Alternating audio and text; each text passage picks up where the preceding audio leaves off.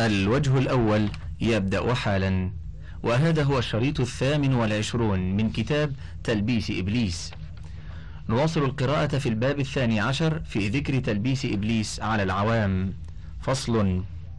ومن تلبيسه عليهم قدحهم في العلماء بتناول المباحات وذلك من أقبح الجهل وأكثر ميلهم إلى الغرباء فهم يؤثرون الغريب على أهل بلدهم ممن قد خبروا أمره وعرفوا عقيدته فيميلون إلى الغريب ولعله من الباطنية. وإنما ينبغي تسليم النفوس إلى من خبرت معرفته قال الله عز وجل فإن آنستم منهم رشدا فادفعوا إليهم أموالهم. النساء السادسة. ومن الله سبحانه في إرسال محمد صلى الله عليه وسلم إلى الخلق بأنهم يعرفون حاله فقال عز وجل لقد من الله على المؤمنين إذ بعث فيهم رسولا من أنفسهم. آل عمران الرابعة والستون والمئة.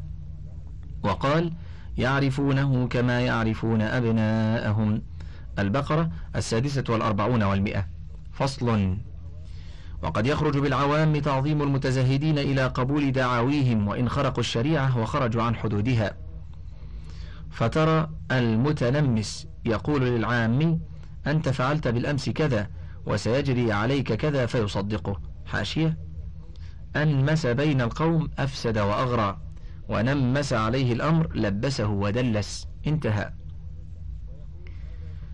ويقول هذا يتكلم على الخاطر ولا يعلم أن ادعاء الغيب كفر. ثم يرون من هؤلاء المتنمسين أمورا لا تحل كمؤاخاة النساء والخلوة بهن ولا ينكرون ذلك تسليما لهم ولأحوالهم. فصل.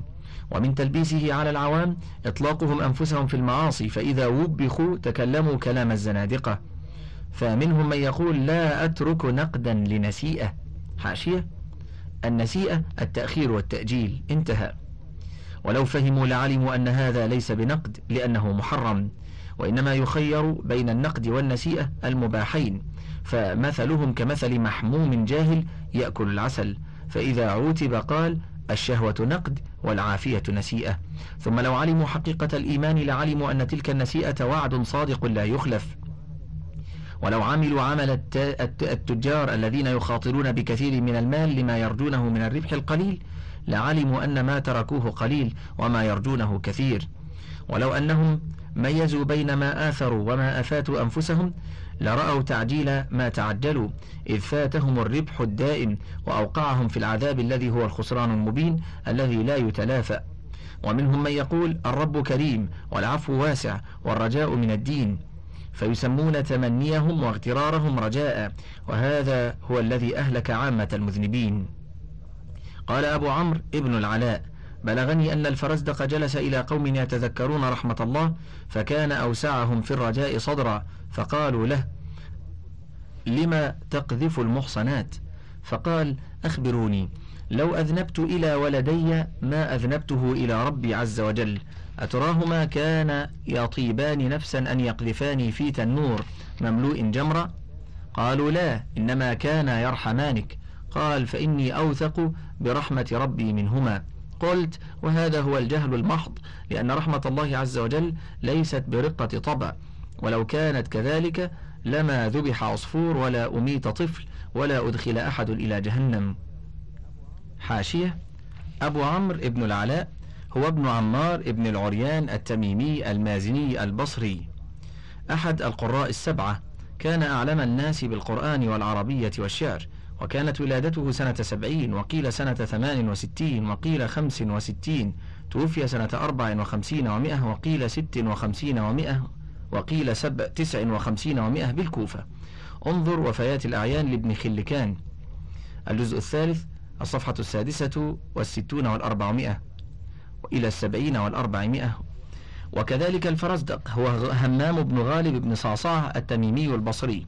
أبو فراس الشاعر المعروف بالفرزدق وجده صعصاع ابن ناجية صحابي وفد إلى رسول الله صلى الله عليه وسلم. وكان يحيي الموؤودة في الجاهلية. سمع الفرزدق الحسين بن علي وأبا هريرة وأبا سعيد الخدري وغيرهم. قال فيه أبو عمرو بن العلاء ما رأيت بدويا أقام بالحضر إلا فسد لسانه إلا رأبه والفرزدق. وقد كانت للفرزدق مناقضات مع جرير الشاعر الذي توفي الفرزدق قبله بأيام أو شهور سنة عشر ومئة للهجرة. البداية والنهاية الجزء التاسع الصفحة الثامنة والتسعون والمئتان والتاسعة والتسعون والمئتان وانتهت الحاشية. وعن عباد قال قال الأصمعي حاشية عبد الملك ابن قريب بن عبد الملك ينتهي نسبه إلى عدنان جد النبي صلى الله عليه وسلم. أبو سعيد الأصمعي اللغوي وكان من أعلم الناس في فنه. روى له أبو داود والترمذي. وقال ابن الجزري روى القراءة عن نافع وأبي عمرو بن العلاء وروى حروفا عن الكسائي مات سنة ست عشرة ومئتين عن ثمان وثمانين سنة. بغية الوعاء للسيوطي. صفحة الرابعة عشرة بعد الثلاثمائة. طبقات القراء لابن الجزري. الجزء الأول الصفحة السبعون بعد الأربعمائة. انتهى. قال الأصمعي كنت مع أبي نواس بمكة. حاشية. الحسن بن هاني بن عبد الأول الحكمي بالولاء شاعر العراق في عصره. ولد في الأهواز سنة ست وأربعين ومائة ونشأ بالبصرة ورحل إلى بغداد فاتصل بخلفائها من بني العباس. ومدح بعضهم. وخرج إلى دمشق ومنها إلى مصر حيث مدح أميرها الخصيب. وعاد إلى بغداد فأقام بها إلى أن توفي سنة 98 ومئة. وقد نظم في جميع الشعر وأجود شعره خمرياته وله ديوان شعر مطبوع. الأعلام الجزء الثاني الصفحة الخامسة والعشرون والمئتان وانتهت الحاشية. كنت مع أبي نواس بمكة فإذا أنا بغلام أمرد يستلم الحجر الأسود. فقال لي أبو نواس والله لا أبرح حتى أقبله عند الحجر الأسود. فقلت ويلك اتق الله عز وجل فإنك ببلد حرام وعند بيته الحرام. فقال ما منه بد. ثم دنا من الحجر فجاء الغلام يستلمه فبادر أبو نواس فوضع خده على خد الغلام فقبله. وأنا أنظر فقلت ويلك أفي حرم الله عز وجل؟ فقال دع ذا عنك فإن ربي رحيم. ثم أنشد يقول وعاشقان التف خداهما عند استلام الحجر الأسود فاشتفيا من غير أن يأثما كأنما كان على موعدي. قلت انظروا إلى هذه الجرأة التي نظر فيها إلى الرحمة ونسي شدة العقاب بانتهاك تلك الحرمة. وقد ذكرنا في أول الكتاب هذا أن رجلا زنى بامرأة في الكعبة فمسخ حجرين. ولقد دخلوا على أبي نواس في مرض موته فقالوا له تب إلى الله عز وجل. فقال إياي تخوفون؟ فعن أنس قال قال رسول الله صلى الله عليه وسلم لكل نبي شفاعة. وإني اختبأت شفاعتي لأهل الكبائر من أمتي. حاشية. صحيح بلفظ شفاعتي لأهل الكبائر من أمتي. أبو داود في السنة. باب في الشفاعة برقم تسعة وثلاثين وسبعمائة بعد أربعة آلاف. والترمذي في صفة القيامة باب ما جاء في الشفاعة في الصفحة الخامسة والثلاثين والأربعمائة بعد الألف ألف بعد الألفين والصفحة السادسة والثلاثين والأربعمائة بعد الألفين. وابن ماجه في الزهد باب ذكر الشفاعة. في الصفحة العاشرة بعد الثلاثمائة وأربعة الآلاف وأحمد في المسند في الجزء الثالث الصفحة الثالثة عشرة بعد المئتين والحاكم في المستدرك في الجزء الأول الصفحة التاسعة والستين وصحيح الجامع في الصفحة الرابعة عشرة بعد السبعمائة وثلاثة الآلاف وانتهت الحاشية. أفترى لا أكون أنا منهم؟ قال المصنف رحمه الله. وخطأ هذا الرجل من وجهين أحدهما أنه نظر إلى جانب الرحمة ولم ينظر إلى جانب العقاب. والثاني أنه نسي أن الرحمة إنما تكون للتائب كما قال عز وجل وإني لغفار لمن تاب. طه الثانية والثمانون. وقال ورحمتي وسعت كل شيء فسأكتبها للذين يتقون. الأعراف السادسة والخمسون والمئة. وهذا التلبيس هو الذي يهلك عامة العوام وقد كشفناه في ذكر أهل الإباحة. فصل ومن العوام من يقول هؤلاء العلماء يحافظون على الحدود فلان يفعل كذا وفلان يفعل كذا فأمري أنا قريب. وكشف هذا التلبيس أن الجاهل والعالم في باب التكليف سواء فغلبة الهوى للعالم لا تكون عذرا للجاهل. وبعضهم يقول ما قدر ذنبي حتى أعاقب ومن أنا حتى أؤاخذ وذنبي لا يضره وطاعتي لا تنفعه وعفوه أعظم من جرمي. كما قال قائلهم من أنا عند الله حتى إذا أذنبت لا يغفر لي ذنبي. وهذه حماقة عظيمة كأنه معتقد أنه لا يؤاخذ إلا ضدا أو ندا. ثم ما علموا أنه بالمخالفة قد صاروا في مقام معاند. وسمع ابن عقيل رحمه الله رجلا يقول من أنا حتى يعاقبني الله؟ فقال فقال له أنت الذي لو أمات الله جميع الخلائق وبقيت أنت لكان قوله تعالى يا أيها الناس البقرة الحادية والعشرون خطابا لك. ومنهم من يقول سأتوب وأصلح. وكم من أبله ساكن, ساكن الأمل فاختطفه الموت قبله. وليس من الحزم تعجيل الخطأ وانتظار الصواب. وربما لم تتهيأ التوبة وربما لم تصح وربما لم تقبل. ثم لو قبلت بقي الحياء من الجناية أبدا. فمرارة خاطر المعصية حتى تذهب أسهل من معاناة التوبة حتى تقبل. ومنهم من يتوب ثم ينقض فيرج عليه إبليس بالمكائد لعلمه بضعف عزمه.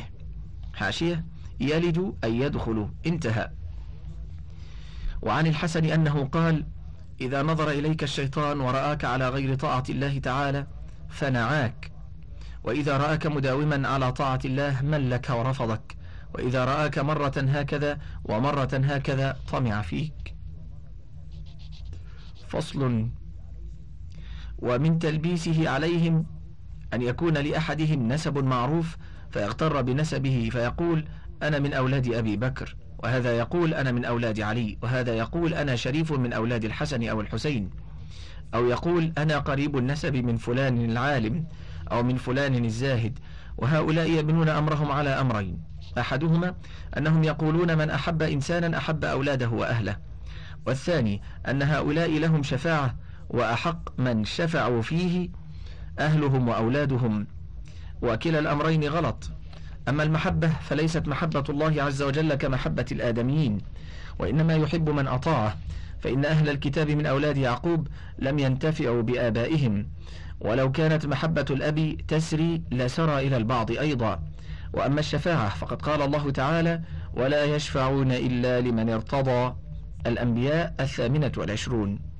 ولما أراد نوح حمل ابنه في السفينة قيل له إنه ليس من أهلك هود السادسة والأربعون. ولم يشفع إبراهيم في أبيه ولا نبينا في أمه. وقد قال صلى الله عليه وسلم لفاطمة رضي الله عنها لا أغني عنك من الله شيئا. سبق تخريجه. ومن ظن أنه ينجو بنجاة أبيه كان كمن ظن أنه يشبع بأكل أبيه. فصل. ومن تلبيسه عليهم أن يعتمد أحدهم على خلة خير ولا يبالي بما فعل بعدها. حاشية. الخلة الخصلة. يقال فيه خلة حسنة وخلة سيئة والجمع خلال انتهى. فمنهم من يقول أنا من أهل السنة وأهل السنة على خير ثم لا يتحاشى عن المعاصي.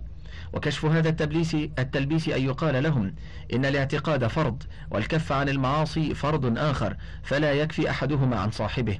وكذلك تقول الروافض نحن يدفع عنا موالاة أهل البيت وكذبوا فإنه إنما يدفع التقوى. ومنهم من يقول أنا ألازم الجماعة وأفعل الخير وهذا يدفع عني. وجوابه كجواب الأول فصل. ومن هذا الفن تلبيسه على العيارين في أخذ أموال الناس. حاشية. العيار من الرجال الذي يخلي نفسه وهواها لا يردعها ولا يزجرها. انتهى. فإنهم يسمون بالفتيان ويقولون الفتى لا يزني ولا يكذب ويحفظ الحرم ولا يهتك ستر امرأة. ومع هذا لا يتحاشون من أخذ أموال الناس وينسون تقلي الأكباد على الأموال ويسمون طريقتهم الفتوة. حاشية؟ تقلى الشيء إلى نفسه تبغض وتقلى فلان تقلب متمل متململا. انتهت الحاشية. وربما حلف أحدهم بحق الفتوة فلم يأكل ولم يشرب ويجعلون إلباس السراويل للداخل في مذهبهم كإلباس الصوفية للمريد المرقعة. وربما يسمع أحد هؤلاء عن ابنته أو أخته كلمة وزر لا تصح لا تصح. وربما كانت من محرض فقتلها ويدعون أن هذه فتوة. وربما افتخر أحدهم بالصبر على, على الضرب. عن عبد الله بن أحمد بن حنبل أنه كان يقول كنت كثيرا أسمع والدي أحمد بن حنبل يقول رحم الله أبا الهيثم فقلت من أبو الهيثم؟ فقال أبو الهيثم الحداد لما مددت يدي إلى العقاب وأخرجت للسياط فإذا أنا بإنسان يجذب ثوبي من ورائي ويقول لي تعرفني؟ قلت لا. قال أنا أبو الهيثم العيار اللص الطرار مكتوب في ديوان أمير المؤمنين أني ضربت ثمانية عشر ألف صوت بالتفاريق وصبرت على ذلك على طاعة الشيطان لأجل الدنيا فاصبر أنت في طاعة الرحمن لأجل الدين. حاشية. الطرار النشال يشق ثوب الرجل يسل ما فيه. انتهى. قلت أبو الهيثم هذا يقال له خالد الحداد. وكان يضرب المثل بصبره. قال له المتوكل ما بلغ من جلدك؟ قال املأ لي جرابي عقارب ثم أدخل يدي فيه وإنه ليؤلمني ما يؤلمك ولا أجد لآخر صوت من الألم ما أجد لأول صوت. ولو وضعت في فمي خرقة وأنا أضرب لاحترقت من حرارة ما يخرج من جوفي. ولكنني وطنت نفسي على الصبر. فقال له الفتح ويحك مع هذا اللسان والعقل ما يدعوك إلى ما أنت عليه من الباطل؟ فقال أحب الرياسة. فقال المتوكل نحن خليدية. وقال الفتح أنا خليدي.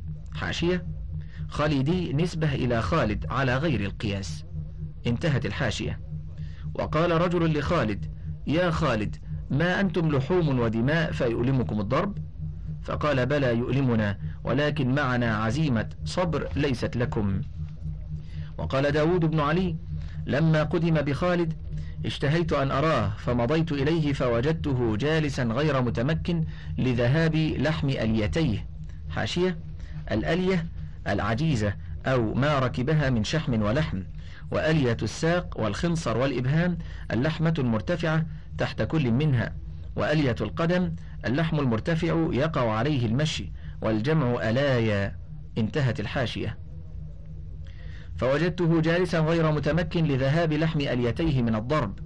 وإذا حوله فتيان فجعلوا يقولون ضرب فلانا وفعل بفلان كذا. فقال لهم لا تتحدثوا عن غيركم افعلوا أنتم حتى يتحدث عنكم غيركم. قال المصنف رحمه الله فانظروا إلى الشيطان كيف يتلاعب بهؤلاء فيصبرون على شدة الألم ليحصل لهم الذكر.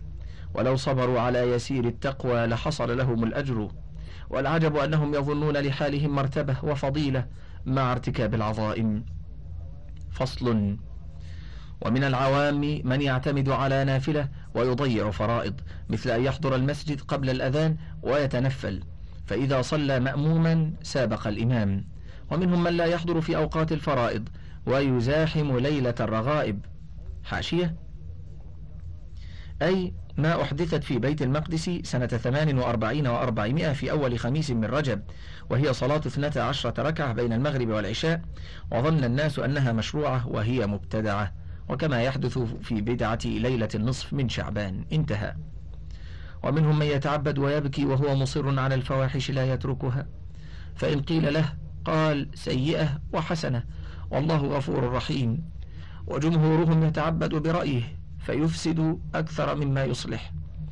ورأيت رجلا منهم قد حفظ القرآن وتزهد ثم جب نفسه. وهذا من أفحش الفواحش. حاشية. جب الخصية استأصلها وجب فلانا غلبه انتهى. فصل. وقد لبس إبليس على خلق كثير من العوام يحضرون مجالس الذكر ويبكون ويكتفون بذلك ظنا منهم أن المقصود الحضور والبكاء لأنهم يسمعون فضل الحضور في مجالس الذكر. ولو علموا أن المقصود إنما هو العمل وإذ لم يعمل بما يسمع كان زيادة في الحجة عليه. وإني لأعرف خلقا يحضرون المجلس منذ سنين ويبكون ويخشعون ولا يتغير أحدهم عما قد اعتاده من المعاملة في الربا والغش في البيع والجهل بأركان الصلاة والغيبة للمسلمين والعقوق للوالدين. وهؤلاء قد لبس عليهم إبليس فأراهم أن حضور المجلس والبكاء يدفع عنه ما يلابس من الذنوب. وأرى بعضهم أن مجالسة العلماء والصالحين يدفع عنكم. وشغل آخرين بالتسويف بالتوبة فطال عليهم مطالهم وأقام قوما منهم للتفرج فيما يسمعونه وأهملوا العمل به. فصل. وقد لبس إبليس على أصحاب الأموال من أربعة أوجه. أحدها من جهة كسبها فلا يبالون كيف حصلت وقد فشى الربا في أكثر معاملاتهم. وأنسوه حتى إن جمهور معاملاتهم خارجة عن الإجماع. وقد روى أبو هريرة عن النبي صلى الله عليه وسلم أنه قال ليأتين على الناس زمان لا يبالي المرء من أين أخذ المال من حلال أو حرام. حاشية صحيح البخاري في البيوع باب من لم يبالي من حيث كسب المال, كسب المال وباب ما يمحق الكذب والكتمان في البيع. الجزء الرابع الصفحة السابعة والأربعون والثلاثمائة. انتهت الحاشية. والثاني من جهة البخل بها. فمنهم من لا يخرج الزكاة أصلا اتكالا على العفو ومنهم من يخرج بعضها ثم يغلبه البخل فينظر أن المخرج يدفع عنه. ومنهم من يحتال لإسقاطها مثل أن يهب المال قبل الحول ثم يسترده. ومنهم من يحتال بإعطاء, بإعطاء الفقير ثوبا يقومه عليه بعشرة دنانير وهو يساوي دينارين. ويظن ذلك الجاهل أنه قد تخلص. ومنهم من يخرج الرديء مكان الجيد ومنهم من يعطي الزكاة لمن يستخدمه طول السنة فهي على الحقيقة أجره. ومنهم من يخرج الزكاة كما ينبغي فيقول له إبليس ما بقي عليك؟ فيمنعه أن يتنفل بصدقة حبا للمال فيفوته أجر المتصدقين ويكون المال رزق غيره. وعن الضحاك عن ابن عباس قال أول ما ضرب الدرهم أخذه إبليس فقبله ووضعه على عينه وسرته وقال بك أطغى وبك أكفر. رضيت من ابن آدم حبه الدينار من أن يعبدني. حاشية. إسناده ضعيف لأن طريق الضحاك بن مزاحم عن ابن عباس منقطعة. انظر الإسرائيليات والموضوعات في كتب التفسير للدكتور محمد أبو شهبة في الصفحة التاسعة عشرة بعد المئتين. انتهى. وعن عبد الله قال إن الشيطان يرد الإنسان بكل ريدة فإذا أعياه اضطجع في ماله فيمنعه أن ينفق منه شيئا. والثالث من حيث التكثير بالأموال فإن الغني يرى نفسه خيرا من الفقير وهذا جهل لأن الفضل بفضائل النفس اللازمة لها لا بجمع حجارة خارجة عنها كما قال الشاعر غنى النفس لمن يعقل خير من غنى المال وفضل الناس في الأنفس ليس الفضل في الحال. حاشية. البيتان للشاعر أبي فراس الحمداني. انظر ديوانه في الصفحة الثانية والعشرين بعد المئة. انتهى. والرابع في إنفاقها. فمنهم من ينفقها على وجه التبذير والإسراف. تارة في البنيان الزائد على مقدار الحاجة وتزويق الحيطان وزخرفة البيوت وعمل الصور. وتارة في اللباس الخارج بصاحبه إلى الكبر والخيلاء. وتارة في المطاعم الخارجة إلى السرف.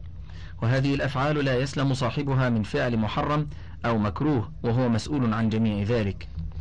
عن أنس بن مالك قال قال رسول الله صلى الله عليه وسلم يا ابن آدم لا تزول قدماك يوم القيامة بين يدي الله عز وجل حتى تسأل عن أربع عمرك فيما أفنيته وجسدك فيما أبليته ومالك من أين اكتسبته وأين أنفقته. حاشية صحيح عن أبي برزة الأسلمي وزاد فيه وعن علمه ما فعل فيه. الترمذي في صفة القيامة باب في القيامة في الصفحة السابعة عشرة بعد الأربعمائة والألفين. صحيح الجامع للألباني في الصفحة الثلاثمائة بعد سبعة الآلاف. انتهى. ومنهم من ينفق في بناء المساجد والقناطر إلا أنه يقصد الرياء والسمعة وبقاء الذكر فيكتب اسمه على ما بني. ولو كان عمله لله عز وجل لاكتفى. بعلمه سبحانه وتعالى. ولو كلف أن يبني حائطا من غير أن يكتب اسمه عليه لم يفعل. ومن هذا الجنس إخراجهم الشمع في رمضان في الأنوار طلبا للسمعة ومساجدهم طول السنة مظلمة لأن إخراجهم قليل من دهن كل ليلة لا يؤثر في المدح ما يؤثر في إخراج شمعة في رمضان. ولقد كان إغناء الفقراء بثمن الشمع أولى. وربما خرجت الأضواء الكثيرة والسرف الممنوع منه غير أن الرياء يعمل عمله. وقد كان أحمد بن حنبل يخرج إلى المسجد وفي يده سراج فيضعه ويصلي. ومنهم من إذا تصدق أعطى الفقير والناس يرونه فيجمع بين قصده مدحهم وبين إذلال الفقير. وفيهم من يجعل منه الدنانير الخفاف فيكون في الدينار قيراطان ونحو ذلك وربما كانت رديئة فيتصدق بها بين الجمع مكشوفة ليقال قد أعطى فلان فلانا دينارا. وبالعكس من هذا كان جماعة الصالحين المتقدمين يجعلون في القرطاس الصغير دينارا ثقيلا يزيد وزنه على دينار ونصف ويسلمونه إلى الفقير في سر. فإذا رأى قرطاسا صغيرا ظنه قطعة فإذا لمسه وجد التدوير دينار ففرح. فإذا فتحه ظنه قليل الوزن. فإذا رآه ثقيلا ظنه يقارب الدينار. فإذا وزنه فإذا وزنه فرآه زائدا على الدينار اشتد فرحه فالثواب يتضاعف للمعطي عند كل مرتبة. ومنهم من يتصدق على الأجانب ويترك بر الأقارب وهم أولى. وعن سليمان بن عامر قال سمعت رسول الله صلى الله عليه وسلم يقول الصدقة على المسكين صدقة. والصدقة على ذوي الرحم اثنتان. صدقة وصلة. حاشية. صحيح الترمذي في الزكاة. باب ما جاء في الصدقة على ذي القرابة. في الصفحة الثامنة والخمسين والستمائة. والنسائي في الزكاة. باب الصدقة على الأقارب. الجزء الخامس الصفحة الثانية والتسعون. وابن ماجه في الزكاة. باب فضل الصدقة. في الصفحة الرابعة والأربعين بعد الثمانمائة والألف. وأحمد في المسند الجزء الرابع الصفحة السابعة عشرة والثامنة عشرة. وصحيح الجامع في الصفحة الثامنة والخمسين والثمانمائة وثلاثة الآلاف انتهت الحاشية. ومنهم من يعلم فضيلة التصدق على القرابة إلا أن يكون بينهما عداوة دنيوية فيمتنع من مواساته مع علمه بفقره ولو واساه كان له أجر الصدقة والقرابة ومجاهدة الهوى. وقد روي عن أبي أيوب الأنصاري قال قال رسول الله صلى الله عليه وسلم إن أفضل الصدقة الصدقة على ذي الرحم الكاشح. حاشية. صحيح. أحمد في المسند. الجزء الثالث الصفحة الثانية بعد الأربعمائة والجزء الخامس الصفحة السادسة عشرة بعد الأربعمائة. والحاكم في المستدرك الجزء الأول الصفحة السادسة بعد الأربعمائة. وصحيح. الجامع في الصفحة العاشرة بعد المائة والألف. والكاشح العدو المبغض. انتهت الحاشية. قال المصنف رحمه الله وإنما قبلت هذه الصدقة وفضلت لمخالفة الهوى فإن من تصدق على ذي قرابة يحبه بحبه فقد اتفق على هواه. ومنهم من يتصدق ويضيق على أهله في النفقة. عن جابر بن عبد الله قال قال رسول الله صلى الله عليه وسلم أفضل الصدقة ما كان عن ظهر غنى وابدأ بمن تعول. حاشية صحيح. مسلم في الزكاة. باب بيان أن اليد العليا خير من اليد السفلى. الصفحة الخامسة والتسعون. ورواه أحمد والنسائي وكلهم عن حكيم بن حزام. انتهت الحاشية. وعن أبي هريرة قال قال رسول الله صلى الله عليه وسلم تصدقوا. فقال رجل عندي دينار. فقال تصدق به على نفسك. قال عندي دينار آخر. قال تصدق به على زوجتك. قال عندي دينار آخر. قال تصدق به على ولدك. قال عندي دينار آخر قال تصدق به على خادمك. قال عندي آخر قال أنت أبصر به. حاشية. صحيح النسائي في الزكاة باب الصدقة عن ظهر غنى الجزء الخامس الصفحة الثانية والستون وأحمد في المسند الجزء الثالث صفحة الحادية والسبعون والأربعمائة. وانتهت الحاشية. ومنهم من ينفق في الحج ويلبس عليه إبليس بأن الحج قربة وإنما مراده الرياء والفرجة ومدح الناس. قال رجل لبشر الحافي أعددت ألفي درهم للحج. فقال أحججت؟ قال نعم. قال اقضي دين مدين. قال ما تميل نفسي إلا إلى الحج. قال مرادك أن تركب وتجيء ويقال فلان حاجي. ومنهم من ينفق على الأوقات والرقص ويرمي الثياب على المغني. ويلبس عليه إبليس بأنك تجمع الفقراء وتطعمهم. وقد بينا أن ذلك مما يوجب فساد القلوب. ومنهم من إذا جهز ابنته صاغ لها دست الفضة ويرى الأمر في ذلك قربة قربة. وربما كانت له ختمة فتقدم مجامر الفضة ويحضر هناك قوم من العلماء. فلا هو يستعظم ما فعل ولا هم ينكرون اتباعا للعادة. ومنهم من يجور في وصيته ويحرم الوارث ويرى أنه ماله يتصرف فيه كيف شاء وينسى أنه بالمرض قد تعلقت حقوق الوارثين به. عن أبي أمامة قال قال رسول الله صلى الله عليه وسلم من حاف في الوصية قذف في الوباء والوباء واد في جهنم. وعن الأعمش عن خيثمة قال قال رسول الله صلى الله عليه وسلم إن الشيطان يقول ما غلبني عليه ابن آدم فلن يغلبني على ثلاث آمره بأخذ المال من غير حقه وآمره بإنفاقه في غير حقه ومنعه من حقه. انتهى الوجه الأول. فضلا اقلب الشريط.